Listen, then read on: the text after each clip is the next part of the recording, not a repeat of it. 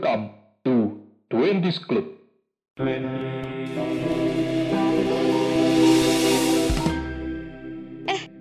Gimana sih jadinya? Ya udahlah ya. Halo Twenties, balik lagi nih bareng kita di season yang baru dari Twenties Club. Wih, Yoi guys, apa kabar nih kalian semua? Udah lama gak ketemu udah perasaan? Iya nih, setelah lama nih kita tidak berjumpa, apakah kalian udah mulai kangen dengar suara kita? Ih, berasa dikangenin banget ya kita. iya kan? Kan kita habis dapat libur nih karena ganti season. Eh iya, ngomong-ngomong, kalian liburan kemarin pada ke mana?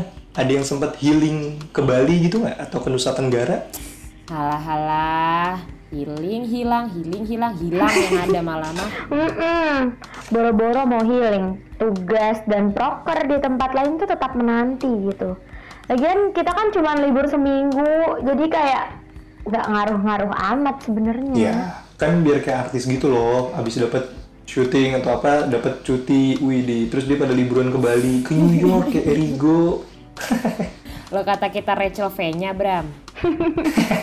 Amin. Kalau itu mah prinsipnya kayak kata ini gak sih generation Z sekarang gitu kan. Apa tuh? Work life balance, anjay. Jadi kerjanya dapat tapi lo feedback ke diri lo sendiri tuh kayak nggak jadi beban gitu loh. Udah udah daripada kita ngomongin hal-hal yang gak kita alami nih. Ini kan sekarang kita fokus balik lagi ke masa kini, jalanin tanggung jawab kita lagi. Jangan sampai terlalu nyaman sama liburan, jadinya males dan lupa sama apa yang harus kita kerjain. Bener banget. Apalagi nih ya, apalagi sekarang kita nggak cuma bertiga doang dong. Iya nggak sih? Aduh, Waduh, Siapa siapa, tuh? tuh? Ada siapa nih? Panggil nggak? Panggil nggak? Nah, langsung aja kita panggil.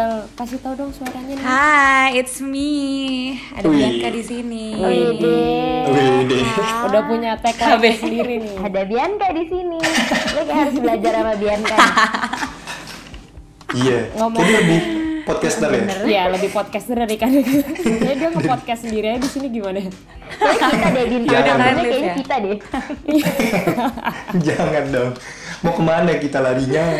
Aduh, ini ngomong-ngomong soal sibuknya si Gita tadi nih. Sekarang lo lagi sibuk gak sih, Bianca? Lumayan ya, uh, sering burn out, uh, at least tiga minggu sekali. So I guess kalau bilang sibuk, gue gue bilang gue sibuk sih. Oh. Emang kalau sibuk-sibuk ini tuh biasanya udah dari baru-baru kuliah ini atau udah dari SMA? Actually gue anak organisasi banget sih SMA, um, cuma kuliah sempat stop. Mungkin nanti kita bisa cerita lebih deep ya kenapa gue Iya. bisa stop Wow. sibuk. Terus akhirnya gue comeback di semester kedua akhirnya uh, karena kasarannya lebih ngejar ketertinggalan. So right now gue malah jadi kayak lumayan kerjain banyak hal yang sempat ke stop di awal-awal kuliah gitu. Hmm, emang Gitu.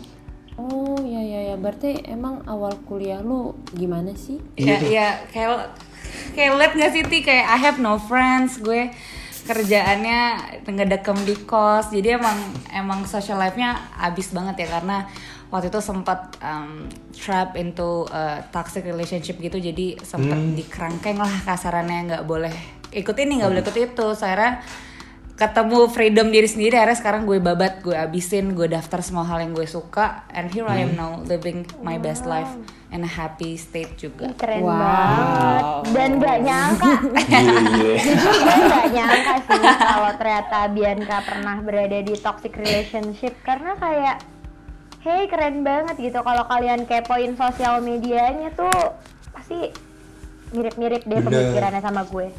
Oh iya, kan tadi lu sempet ini nih bi, sempet apa ya? Ada fase di mana lu nggak nggak stop atau istilah berhenti di organisasi gitu.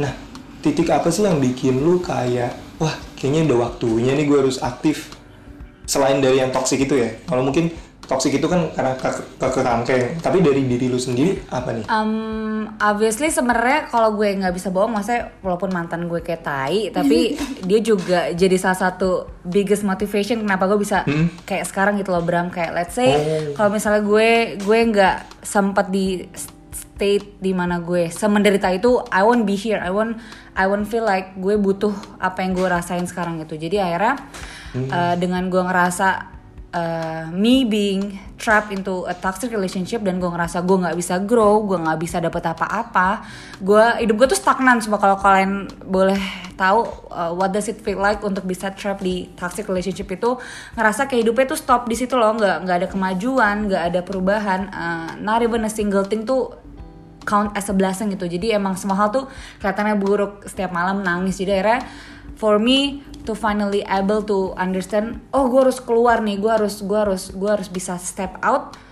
Akhirnya itu yang bikin gue punya uh, turning point ya kasarannya untuk bisa uh, akhirnya decided to live my own life the way I want it to be tanpa harus melibatkan um, apa yang orang Orang mau apa yang orang suruh apa yang orang let's say lo nggak boleh ini lo nggak boleh itu gitu. Terus akhirnya uh, dengan uh, kesadaran yang ada dalam diri gue gue malah bisa jauh lebih berkembang gitu daripada disuruh-suruh sama orang lain keren juga berarti ada sebuah peristiwa yang bener-bener apa ya Yes. mungkin mungkin orang lihatnya itu kayak negatif tapi lu berhasil merubah mindset lu bahwa itu bisa jadi Yes. senjata lu buat bisa loncat lebih jauh lagi gitu ya bener itu sih yang kadang gue gue juga take it as a blessing ya kadang maksudnya nggak bisa dipungkiri uh, mental impactsnya ke orang-orang yang terperangkap di dalam hubungan toxic itu kan kasihan banget kan sometimes ada yang butuh sampai professional help kadang sampai butuh butuh healing bertahun-tahun untuk bisa akhirnya kembali ke dunia gitu. Tapi I am here bisa healing sendiri dalam waktu enam bulan loh by the way.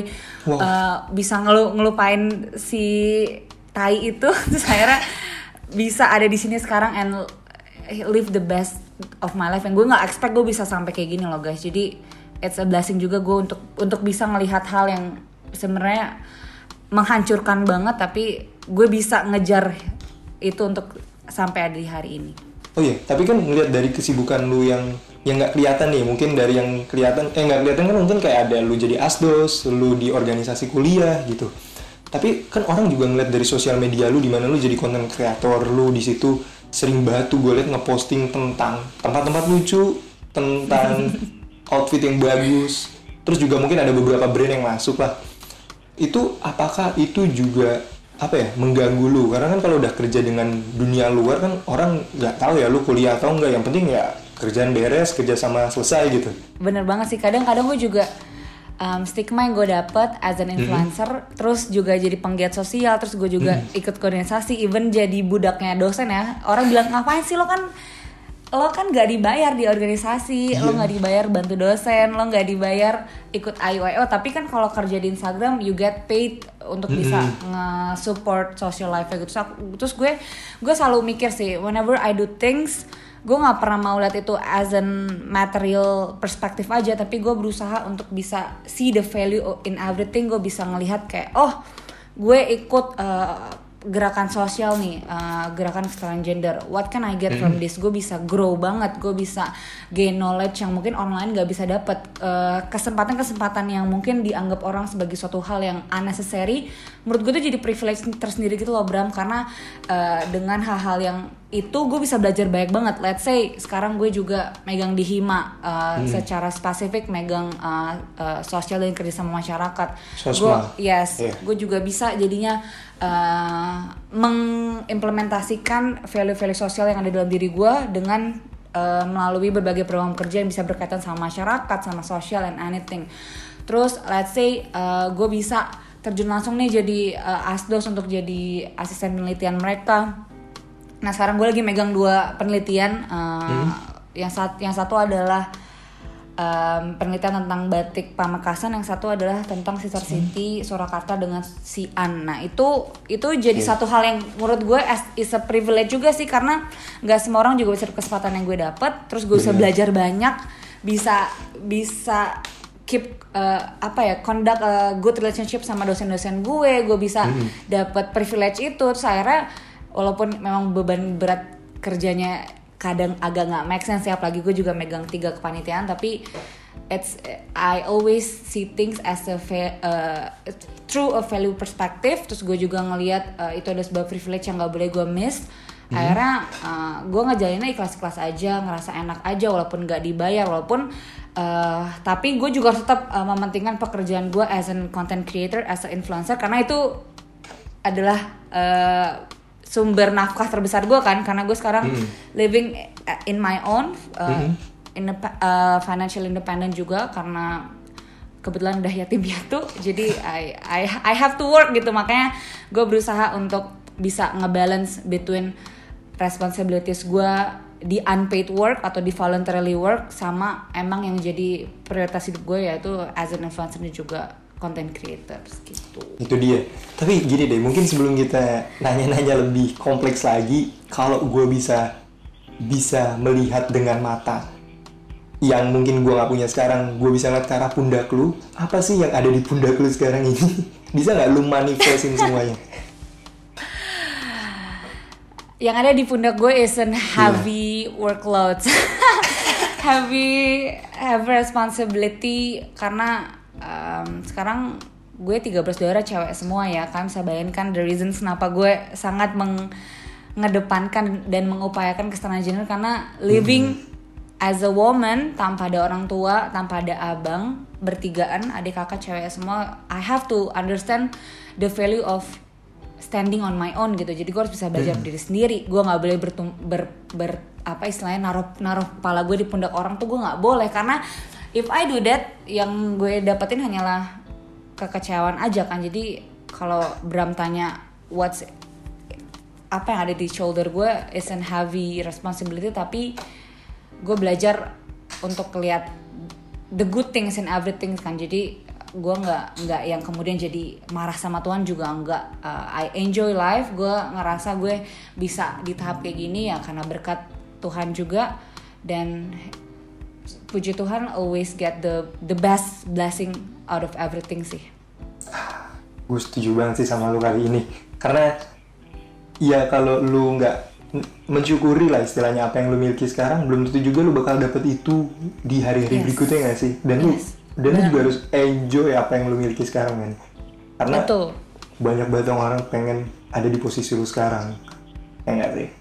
Nah tadi lu juga sempat nyinggung tentang ini kayak apa sih? Perhatian lu terhadap sosial lah. Di mana tadi lu sempat menyinggung tentang tentang kesetaraan. Kalau gue boleh tahu secara sederhana apa sih yang nge-trigger lu? Atau kayak mungkin kayak wah ini nih. Gue gue harus fokus ke sini. Kayak wah ini menarik juga nih untuk dibahas. Orang belum pernah membicarakan ini. Terus juga ini masih masih awarenessnya masih kurang dari masyarakat gitu. Oke, sebenarnya ini, aduh, gue gue takutnya ntar dikira nggak bisa move on ya. Tapi eh, kalau misalnya gue boleh bilang, ya tadi ya karena gue punya mantan pacar yang emang beneran setoxic dan se berdampak buruk itu ke hidup gue, gue malah jadi sadar kalau misalnya as a woman gue harus punya pendirian sendiri kan. Sebenarnya sebenarnya feminism is not always about being a girl boss, being an woman leader gitu. Sebenarnya nggak Iya. itu kan karena nggak semua orang punya privilege yang sama kan. Kita harus aware Bener. akan hal itu. Cuma cuma eh, kalau boleh jujur eh, main reason dulu kenapa gue akhirnya terjun ke feminisme adalah hal-hal klise kayak gue pengen berdiri sendiri, gue pengen punya my own fit, gue pengen bisa kuat, eh, gue pengen gak mau manja gitu. Tapi itu itu kan eh, is a cliche reasons ya. Yeah. Terus akhirnya when I when I decided to go deep into feminisme ternyata gue sangat cinta akan uh, pergerakan ini karena it include uh, intersectionality terus itu juga include kelompok-kelompok marginal kelompok-kelompok yang emang uh, living as a minority sebagai Betul. bayangin aja gue perempuan nonis mukanya agak Chinese lo bisa bayangin kan living di UNS tuh kayak gimana dapet stigma-stigmanya jadi jadi emang akhirnya gue belajar kalau misalnya emang feminisme is not always about being a woman leader tapi it's so much more than that. Value-nya gede banget dan puji Tuhan gue terjun ke in- ke dunia feminisme dan gue cinta banget. Uh, walaupun uh, back motivationnya mungkin nggak yang terlalu relate dengan dulu Iya. feminisme tapi uh, akhirnya gue terjun dan gue belajar dan ternyata makin relate gue uh, tentang uh, keberadaan-keberadaan orang yang let's say emang butuh support dan bantuan dari orang-orang kita yang mungkin let's say kita privilege banget kan bisa kuliah bisa Bener. bisa let's say bisa bisa makan enak di cafe itu ada sebuah privilege gitu jadi Setuju banget. uh, do doing the things uh, yang emang orang lain gak bisa dapat malah bikin gue sadar kalau misalnya gue bisa bantu mereka untuk live a better life gitu so akhirnya uh, dengan gue makin sayang makin cinta dengan pergerakan ini uh, terus akhirnya makin ikut banyak uh, istilahnya the real actions ya mulai dari ikut organisasi yang emang uh, fokus terhadap uh, eh, gender equality. Terus gue juga sekarang lagi jadi volunteer di feminist festival. Kalian jangan lupa datang ya. jadi um, jadi um, ya awalnya terjunnya nggak sengaja, tapi ternyata pas udah terjun makin cinta dan here I am now living as an uh, feminist yang emang uh, pengen belajar terus, uh, nggak pernah merasa cukup dan always try my best to help my surroundings gitu aja. Mantap. Keren banget. Terus nih, gue mau nanya di kan di antara banyaknya kesibukan lo nih, yang ya lo terjun sebagai feminis, terus juga lo tetap ikut eh, himpunan kan tadi organisasi, tapi juga tetap kerja sebagai content creator gitu. Nah, menurut lo tuh kegiatan-kegiatan lo ini itu tuh mengganggu kuliah lo nggak sih? Dan kan for your information teman-teman semua, Bianca ini tuh sekarang udah semester 5 gitu kan. Apakah kayak aduh ganggu dan susah nggak sih buat ngatur waktunya? jujur when it kalau gue gue setiap ditanya orang tentang time management gue selalu ketawa sih karena emang gue nggak mau sugar coating everything kan. Gue bilang enggak kok gue dapet tidur cepet tidur cukup. Enggak gue nggak gue kadang nggak tidur guys. Jadi jadi jadi gue juga nggak mau yang pura-pura happy. Uh, I I I do get breakout uh, dari hasil uh, begadang gue. Gue nggak tidur uh, nyusun report dari jam 12 sampai jam 5 harus kuliah lagi. Sometimes happens gitu.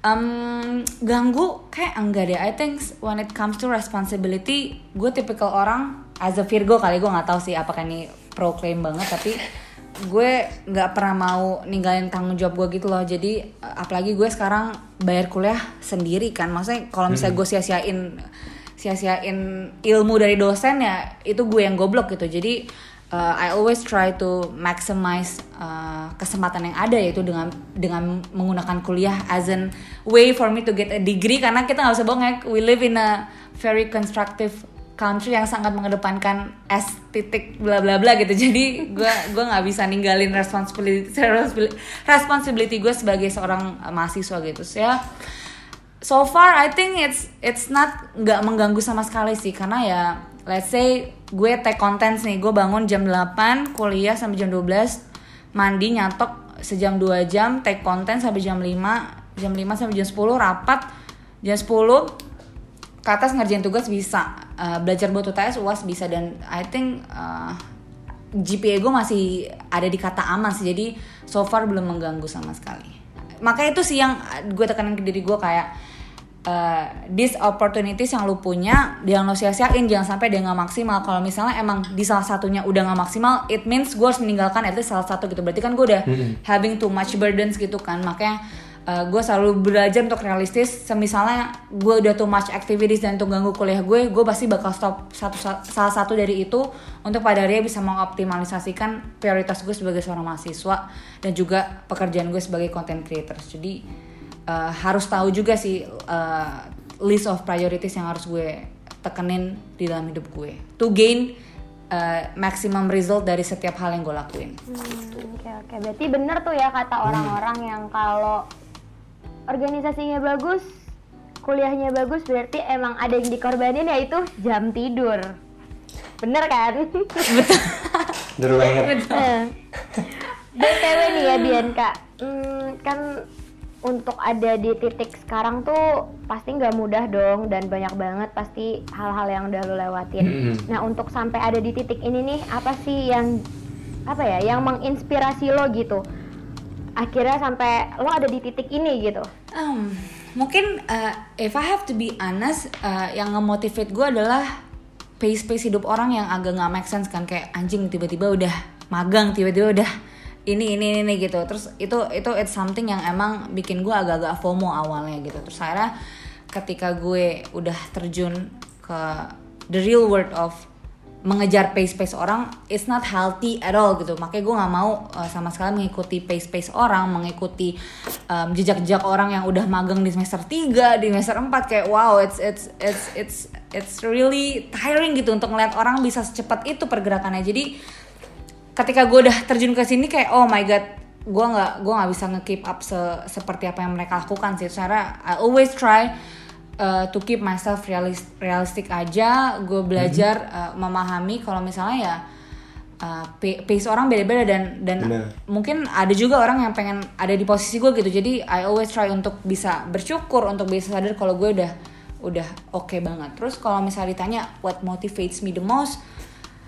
Selain keinginan diri sendiri untuk jadi sukses ya maybe realita yang ada kali ya guys. Maksudnya with all with all the conditions yang uh, dynamic banget kehidupan gue yang sekarang mungkin udah harus hidup sendiri bertiga sama kakak terus juga harus sadar kalau misalnya nggak bisa uh, seprivilege terdahulu. Even kalau misalnya emang gue pengen ngemanjin diri gue gue harus bisa biayain itu sendiri kan. Jadi uh, it's really important for me untuk bisa ngelihat realita yang pahit ini as in be as the as the biggest motivation of my life. Untuk gue bisa keep going untuk bisa achieve so many things karena yang sekarang bisa gue andelin adalah diri gue sendiri gitu. So the more I give myself sebuah development the more I can get the benefit out of it gitu. Jadi belajar untuk bisa bergantung sama diri sendiri dan at the same time tetap menyayangi diri sendiri gitu. Karena gue yang bisa andelin hanyalah gue. Kalau misalnya diri gue hancur m- mental gue hancur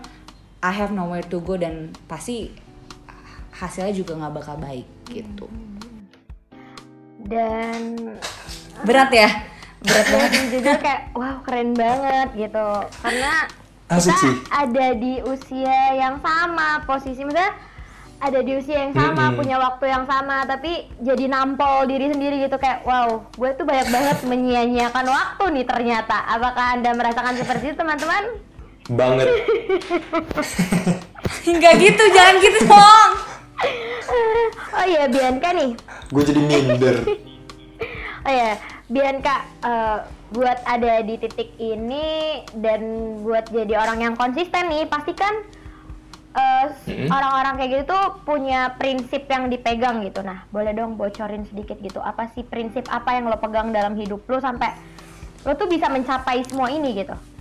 kalau bicara soal life principle prinsip hidup eh, bisa bohong sih eh, pegangan yang paling gue pegang adalah stay realistic aja gue harus bisa realistis sama keadaan yang ada di depan mata gue gue nggak Iya. bisa kemudian jadi terlalu Santai ambisius ya? untuk ngejar-ngejar Iya. hal-hal tersebut dan um, let's say kalau misalnya mungkin Biar gue gue udah dua cerita ya kali. guys gue udah udah dua kali ketolak magang kok jadi tenang aja jadi it's not always apa yang lo lihat di LinkedIn gue tuh nggak selalu bagus karena gue juga dapat rejection It's okay berarti ya kalau kita ketolak magang karena seorang Bianca pun ketolak jadi magang. kayak wajar ya normal. Normal Wajar. banget berarti kalau kita ketolak magang.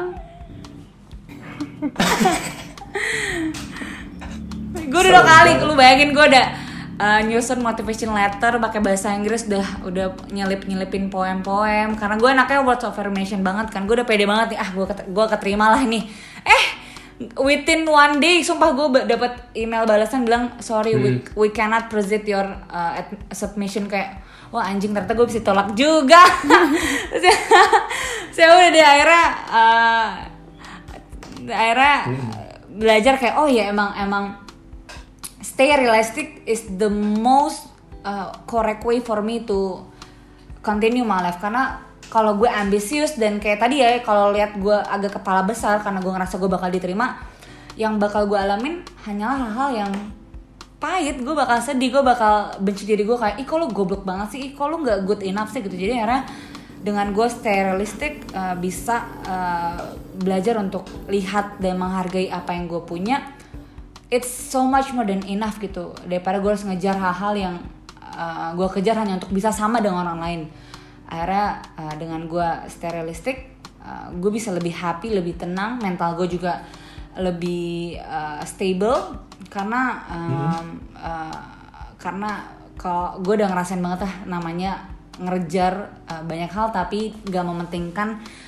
mental state atau mental health kita it's nothing sumpah. Jadi jadinya cuma uh, nangis jadi cuma nggak ngerasa good enough.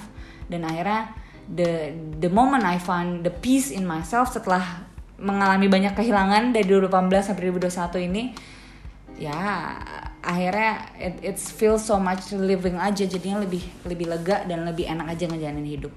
Lebih lebih lebih nggak takut ditolak gitu. Kayak oh ya udah it's it's itu hal yang manusiawi kok ditolak. Uh, betul. Jadi jangan takut ditolak guys. Itu adalah bagian dari perjalanan hidup. Wow. Asli. Kita sejujurnya sangat terkesan ya dengan kehidupannya Bianca yang sekarang ini setelah mengalami banyak hal dari yang gue bilang tadi 2018 sampai 2021 sampai pada akhirnya Bianca pun tenang untuk memperjuangkan keadilan untuk yang lainnya. Maksudnya, Pasti, pasti. Dari kesedihan dia, dia bukan jadi terpuruk, tapi dia bangkit malah menjadi apa ya istilahnya berkat untuk orang lain kayak gitu. yes Nah. bener sih itu sih Prinsip. betul betul. Apa rip and sow ya. Uh, Manuel menabur itu juga jadi salah satu prinsip gue sih. Kayak the more I give to people the more I accept so many things. Mungkin bukannya pamrih tapi emang hukum alam gitu nggak sih ti? Gue ngerasa gue ngerasa gue bisa Tuhan. ada. Maksudnya gue sekarang living on my own tapi karena bokap nyokap gue udah nyebar kebaikan ke orang lain jadi kebaikan itu balik ke gue dan gue sekarang bisa hidup tanpa kekurangan padahal gue nggak nggak punya pikiran gue harus cari duit di umur 20 gitu. Tapi dengan kebaikan yang udah dilakuin sama nyok bokap nyokap gue di masa lampau here I am now uh, receiving a lot of blessing dari orang lain. Bener nggak? Keren. Ini kayaknya adiknya Bianca juga diajak podcast kita. iya. dia juga nganggung dia Jangan pemikiran adanya Bianca lebih maju daripada pemikiran kita. eh jujur adek jujur adek, adek gue dewasa banget sumpah gila dia dia Umur dia, dia, Bi? dia, 10 baru 10 udah nggak punya bokap nyokap tapi Wow. masih dia kadang kalau misalnya kakak-kakaknya nangis dia jadi pundak kita gitu loh saking kerennya Ya, Wow. Keren banget. Salut sih gue. Wow, ternyata dari yang lo bilang tadi lo menjadi berkat buat orang lain sampai yang gue lihat dari postingan-postingan lo di Instagram kan juga lo sering kan memperjuangkan misalkan ada kayak tadi nih gue ngeliat nih postingan lo tentang kayak kekerasan seksual terhadap anak yang masih bayi itu bukan sih yang baik di gila. Itu gila Asli. banget. Uh. Ya kan? Kayak apakah emang ternyata dari diri Bianca sendiri itu benar-benar tertarik dengan isu tersebut ataukah emang lo anaknya sering aja untuk mengkritik atau bagaimana nih? Mungkin gue ngeliat itu as an uh, gue berusaha untuk selalu menempatkan kaki gue di uh, tempat orang lain kan. Kayak gue pernah dulu jadi korban KS juga. Uh, pantat gue dipegang uh, diliatin titit kayak itu udah hal yang biasa banget. Di galaksi tuh sering banget nggak sih Ti? di Bekasi tuh kayak aduh udah udah gak ada bener-bener pro untuk KS banget gitu. Jadi emang uh, hal-hal kayak gini yang bikin gue sadar kalau misalnya ap- gue gue gue mungkin lah saya gue orangnya cuek. Gue gue nggak peduli dengan orang gue gue bisa teriakin mereka bacot gue bisa ajak mereka berantem tapi nggak semua orang bisa punya kekuatan yang sama dengan gue kan. Kayak mereka nggak punya tekad keberanian untuk fight back uh, seperti yang gue lakukan makanya uh, dengan tekad yang gue punya dan juga pengalaman pahit yang gue punya akhirnya gue decided untuk bisa memperjuangkan suara-suara mereka yang uh, let's say pasti mereka jauh lebih takut untuk speak up kan. Ma- ma- let's say gini masalah gue masih bukan sepele ya bukannya gue menyepelekan KS tapi masalah gue masih sekedar catcalling, cat catcalling, exhibi- exhibitionisme, kemudian juga masih sekedar um, ya walaupun nggak sedih sih pantat gue ditepok sama strangers tapi orang-orang yang let's say ngadepin tadi pemerkosaan kemudian juga objektifikasi seksual di sosial media and many more itu pasti bu- banyak butuh gerakan orang yang kolektif yang masif untuk bisa pada akhirnya menciptakan kesadaran kalau misalnya we live in a very wrong world loh. Kita lagi hidup di sistem yang salah banget. Kita hidup di keadaan dunia yang bener-bener timpang banget uh, dalam hal uh, gender. Uh, let's say KS terjadi di mana-mana kemudian juga kesempatan bagi satu gender itu masih sangat timpang. Jadi suara-suara dari orang-orang bacot kayak gue orang yang uh, maksa kayak gue yang tentunya banyak ya walaupun feminisme di Indonesia masih kecil banget tapi gerakan kolektif dan masif ini yang menurut gue bisa jadi salah satu uh, way salah satu jadi salah satu cara untuk pada akhirnya menciptakan Indonesia yang jauh lebih sehat dan aman bagi semua gender tanpa harus ngelihat lo cewek apa cowok sih? Lo bencong apa bukan sih? Lo gay atau bukan sih? Jadi harus bisa ngelihat manusia tuh as an human aja bukan sebagai human yang cewek human yang bencong human, kayak nggak perlu lah kita melakukan uh, background check uh, terhadap orang tapi kita nge ngelihat orang menghargai orang ya udah as a human aja gitu. Jadi gue memegang uh, memegang perjuangan ini banget karena gue ngerasa semua orang tanpa terkecuali itu kecuali yang jadi pelaku KS ya itu punya kesempatan yang sama di dunia ini. Jadi um, ya, ya tadi aja sih Rip Enso uh, lo orang baik lo bakal dapat hal baik juga kok. Jadi gue ngerasa kalau orang semua orang pegang uh, komitmen itu dalam hidup I think it's gonna be a really beautiful word gak sih? Kayak nggak bakal ada namanya criminals sexual harassment anywhere jadi gue ngerasa walaupun yang gue lakukan ah, mungkin hanya menyumbang 0,0009% gitu ya di dunia ini tapi at least I tried my best. I always uh, use my platforms yang masih cuma du- 16 ribu at least tapi bisa lah ngasih kesadaran sama orang-orang yang ada di sekitar gue. Ya let's say mungkin dari lingkup terkecil dulu kakak adik gue mana ngerti sih soal LGBTQI plus? Laki gue mana mana bisa sih toleransi sama orang-orang marginal kayak LGBTQI plus? Tapi dengan gue ada di kehidupan mereka kan mereka jadi bisa lebih belajar. Jadi I always uh, start small untuk pada akhirnya bisa nyebarin hal-hal yang gue punya ke orang lain. Oke. baca Kan banget ya gue ya maaf ya. Nggak apa-apa justru gue seneng denger ya karena gue jarang ketemu orang kayak gini. Karena mungkin eh ya tadi yang bilang sih orang yang yang yang interest dengan hal feminisme itu masih sedikit banget itu gue setuju banget. Dan itu terus bertambah. Percaya deh itu itu bakal terus bertambah dan bisa lo lihat sih makin-makin ke sini tuh kayak kasus pelecehan seksual yang mungkin udah terjadi beberapa tahun lalu itu masih bisa terblow up dan akhirnya menemui titik terang itu itu gue salut banget Yes. sih sama mungkin power sosial media Betul. yang kedua juga power orang-orang yang udah mulai aware tentang hal Betul. tersebut tapi gini Bi, sebagai minoritas ya udah hukum alamnya nggak sih untuk bisa merubah mindset apalagi ya itu bukan hal yang mudah ada nggak sih tantangan-tantangan yang lu hadapi gitu dalam dalam menyebarkan atau menyuarakan isu isu ini?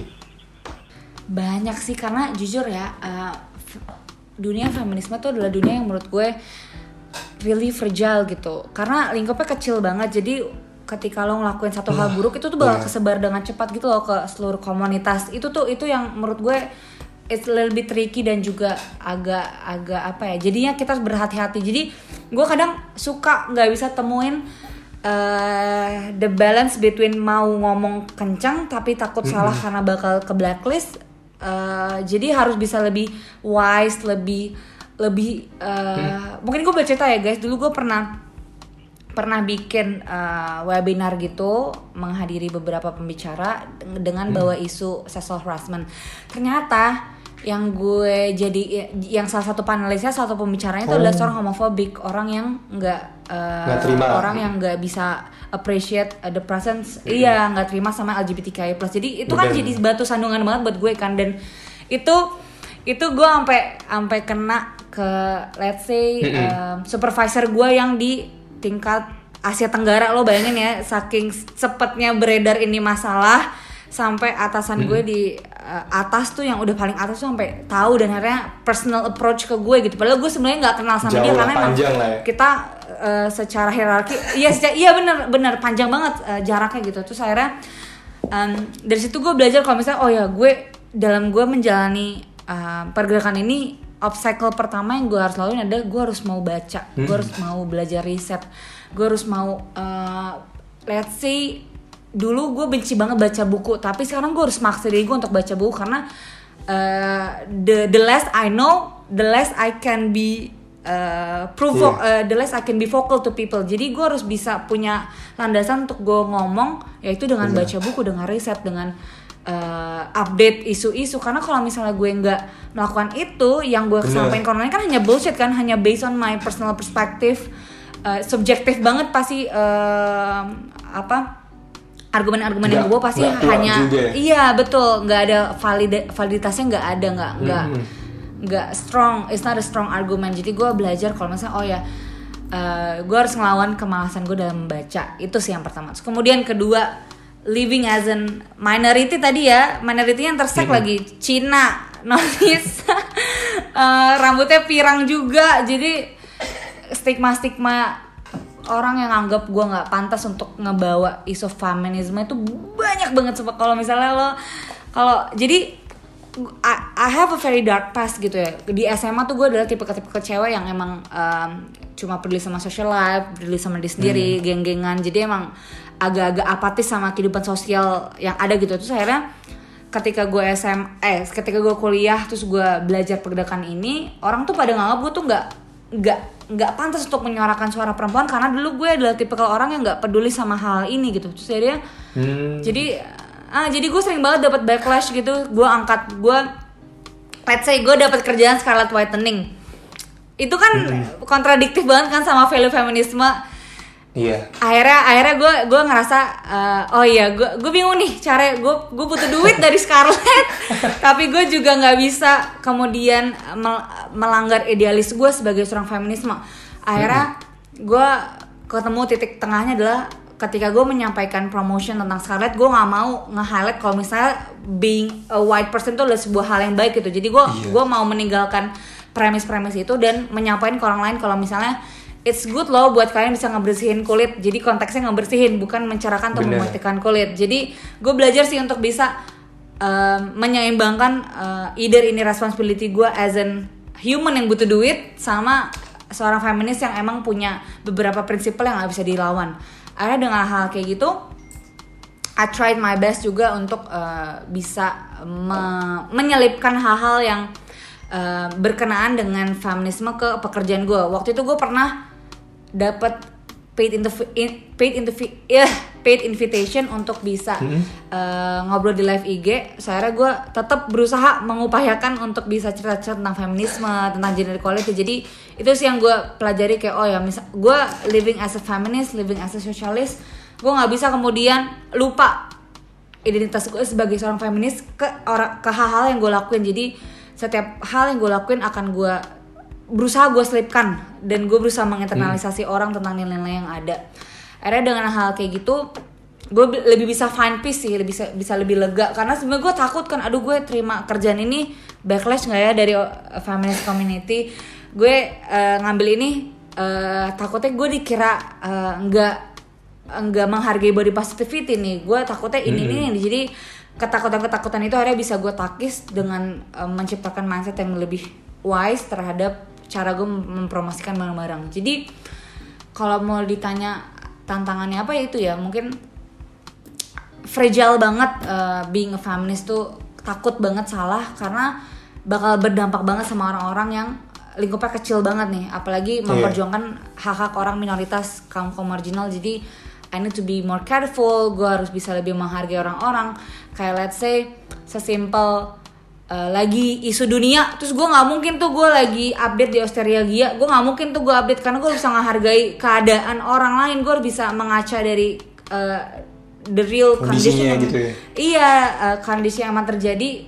Uh, jadi gue bisa lebih milah-milih oh yaudah gue decided deh hari ini gue nggak update apa apa gue bisa menghargai orang-orang yang lagi ketimpa musibah. Jadi itu sih harus bisa find the balance between hidup gue as an content content creators yang mungkin agak bersih agak agak kontradiksi dengan feminisme tapi gue bisa selipin itu dan akhirnya ketemu titik balance nya Mantap sekarang banget.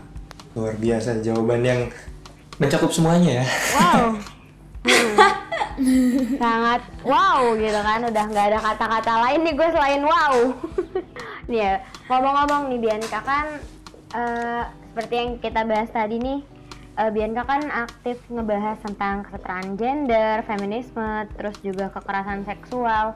Di mana pasti ada aja nih orang-orang yang ngecap eh, Bianca itu sebagai SJW ya social justice warrior ya kan nah kira-kira nih Bianca tuh setuju nggak sih sama pendapat orang-orang nih yang bilang kalau orang-orang yang bergerak di bidang-bidang tadi tuh pasti termasuk SJW gitu nah itu gimana nih menurut Bianca Menurut gue um, SJW itu adalah salah satu uh, degradation definition ya. Jadi sebenarnya itu adalah hal yang positif sebenarnya, tapi orang lain menganggap itu sebagai hal yang buruk uh, karena melihat uh, orang-orang selalu berusaha mengupayakan hal-hal yang tidak adil ke setiap hal, tapi orang jadinya kayak ih SJW deh lo, ih SJW deh lo. Jadi itu definisi yang menurut gue, aduh sayang banget kayak orang peduli sama sama uh, social condition kok malah jadinya kena backlash dia katanya gitu. SJW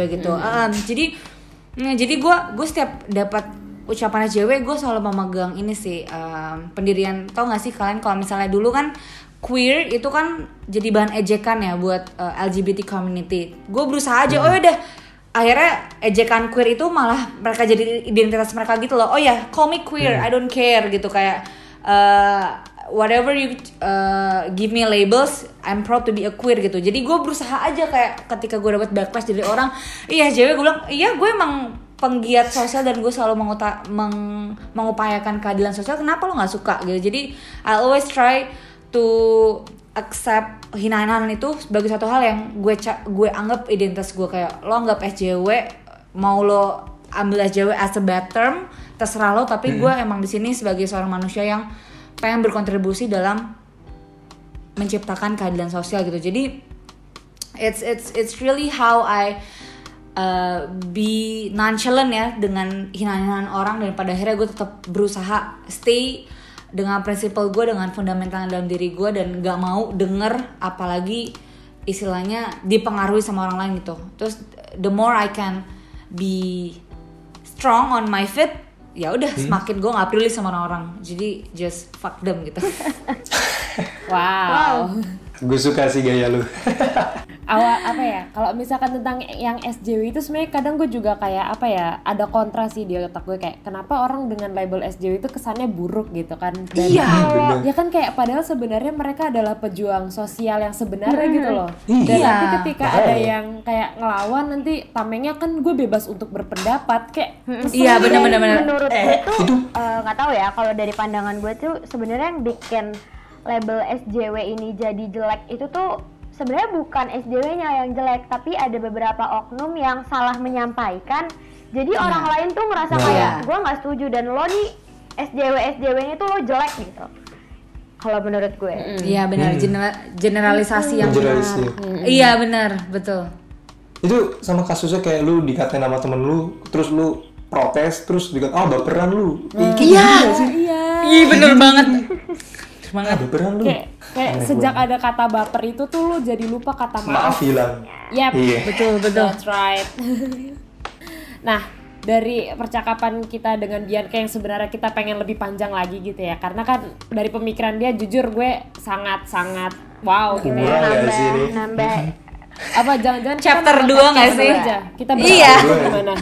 chapter 2 nggak sih sebulan kali kita blok dia. Nah, kayak jujur kita dari 20s khususnya mau terima kasih banget nih buat Bianca udah nge-sharing-sharing tentang pengalamannya, tentang pemikiran-pemikirannya yang sangat keren itu gitu kan dan tentang eh, pengalaman-pengalaman melawan sosial-sosial yang tidak seharusnya gitu ya. Nah, dari sini gue bisa simpulin ternyata seorang perempuan seperti sosok Bianca ini juga ternyata bisa menginspirasi banyak orang dengan prinsipnya, dengan pengalaman pribadinya yang mungkin pernah jatuh, kayak kita juga pasti pernah jatuh, tapi sekarang dia milih untuk bangkit bukan terpuruk dan dia bisa menjadi saluran juga untuk orang lain, dia bisa menyebarkan kebaikan, kayak prinsip dia tadi tabur dan tuai, kayak gitu. Nah, mungkin dari Bianca sendiri ada closing statement nggak mungkin yang kayak sebagai penutup nih, biar kita istilahnya rekapan dari yang tadi gitu, Bu. Oke, mungkin gue mau nyampein aja sih kayak tadi yang Tio bilang, uh, gue gue uh, akhirnya disadar untuk bangkit dari uh, semua keterpurukan yang terjadi dalam hidup gue. Tapi please jangan pernah jadiin gue sebagai patokan karena mental state orang beda-beda kan. Let's say lo lebih butuh waktu untuk healing, it's it's okay, it's fine. Um, istirahat uh, menjauh dari dunia is is a really normal thing for me karena kita hidup di dunia yang sangat jek jek jek jek uh, perubahannya tuh dinamikanya tuh gila kenceng banget. Jadi kalau if you can keep up dan butuh waktu istirahat please take some rest take some time buat peduli diri lo prioritas diri lo. Jangan pernah jadiin achievement orang lain sebagai uh, patokan hidup lo kayak ih anjing Bianca sekarang udah jadi uh, ini. Ih anjir benar udah jadi ini. Jangan itu nggak bakal ada habisnya dan itu cuma bakal bisa bikin lo capek. Jadi know your peace know your self worth know your own self uh, know your needs juga lo butuh apa lo pengen jadi apa self recognition dan juga self meditation tuh penting banget untuk lo bisa nge-realize what do you need Uh, dan pada akhirnya the more you see the clarity of yourself, kejelasan-kejelasan itu bisa ngebantu lo untuk nge-achieve so many things. Jadi um, if you like me, abis uh, mengalami ke- kehilangan, mungkin let's say uh, uh, mungkin putus dari pacar atau mungkin uh, kehilangan orang tua kayak gue, uh, take some time, uh, sebanyak mungkin untuk healing untuk sembuh. Eh, dan jangan pernah ngeliat uh, achievement orang lain ya tadi gue bilang. Terus uh, juga um, mungkin last words dari gue ya um, jangan pernah nutup mata nutup telinga nutup mulut untuk menyuarakan uh, hak-hak orang lain dan juga ketidakadilan sosial yang terjadi di dunia kita di negara kita obviously jadi uh, always take your part, uh, try to contribute uh, the most uh, smallest way nggak apa-apa uh, hal-hal terkecil. Let's say donasi anonymous itu oke okay banget gitu jadi nggak apa-apa um, tapi kalau misalnya emang kalian pengen do more pengen lebih vokal pengen jadi diri kalian sebagai media untuk menyuarakan hal-hal yang tidak adil tersebut boleh banget gak ada gak ada yang namanya rekrutmen lah di feminisme itu gak ada yang lo nggak diterima lo lo lo nggak cocok tuh gak ada gitu jadi everyone is welcome untuk bisa menyuarakan uh, suara-suara ini dan juga menyuarakan hak-hak orang lain dan um, I think uh, that is all for me. Uh, pokoknya jangan pernah uh, takut, jangan pernah FOMO, dan always try uh, to be sensitive towards gender issues. Gitu aja. Oke, gila. Mungkin satu kata yang bisa gue ucapkan ketika mendengar word lu tadi adalah siap untuk tidak melakukan itu semua yang tadi gue bilang. Gue pribadi mengucap syukur sekali kita bisa bertemu kali ini Bianca karena dengan sharing lu jujur menguatkan bukan cuma gue pribadi gue rasa di sini juga ada beberapa orang-orang dan juga mungkin pendengar kita nanti yang bakal di upload dulu terus nanti kan akan di didengerin dengan banyak orang dan ya kalau gue mungkin bisa memuji lu walaupun ini pertemuan pertama kita ya tapi Iya. jujur gue gue salut banget sama lu. Lu adalah orang yang kuat ya karena eh, gue juga tahu berita bokap lu pergi itu dengan sangat cepat dan tersebar ke mana-mana. Gue turut berduka cita untuk lu dan uh, kakak adik lu mungkin yang bisa gue highlight adalah tabur tua itu tadi jangan berhenti menabur kebaikan di mana pun lu berada Bianca gue mau akhir podcast kampus UNS dan juga squad 20 ini mengucap syak, mengucap syukur banget lu udah bisa sharing di sini dan semoga taburan-taburan kebaikan yang akan lu jalankan itu bisa menjadi lebih berlebih lagi dan bisa menular juga untuk bisa ditaburkan orang lain. Kalau gitu di sini ada Bram Di sini ada Tio. Di sini ada Gita. Dan di sana ada Ada Bianca. Sampai bertemu di Sampai cerita bertemu di berikutnya. cerita Bye. berikutnya. Bye. Gimana gimana? Udah kan? Udah, nggak apa-apa. Oke oke nggak apa-apa. Nah, gitu gitu dong. dong.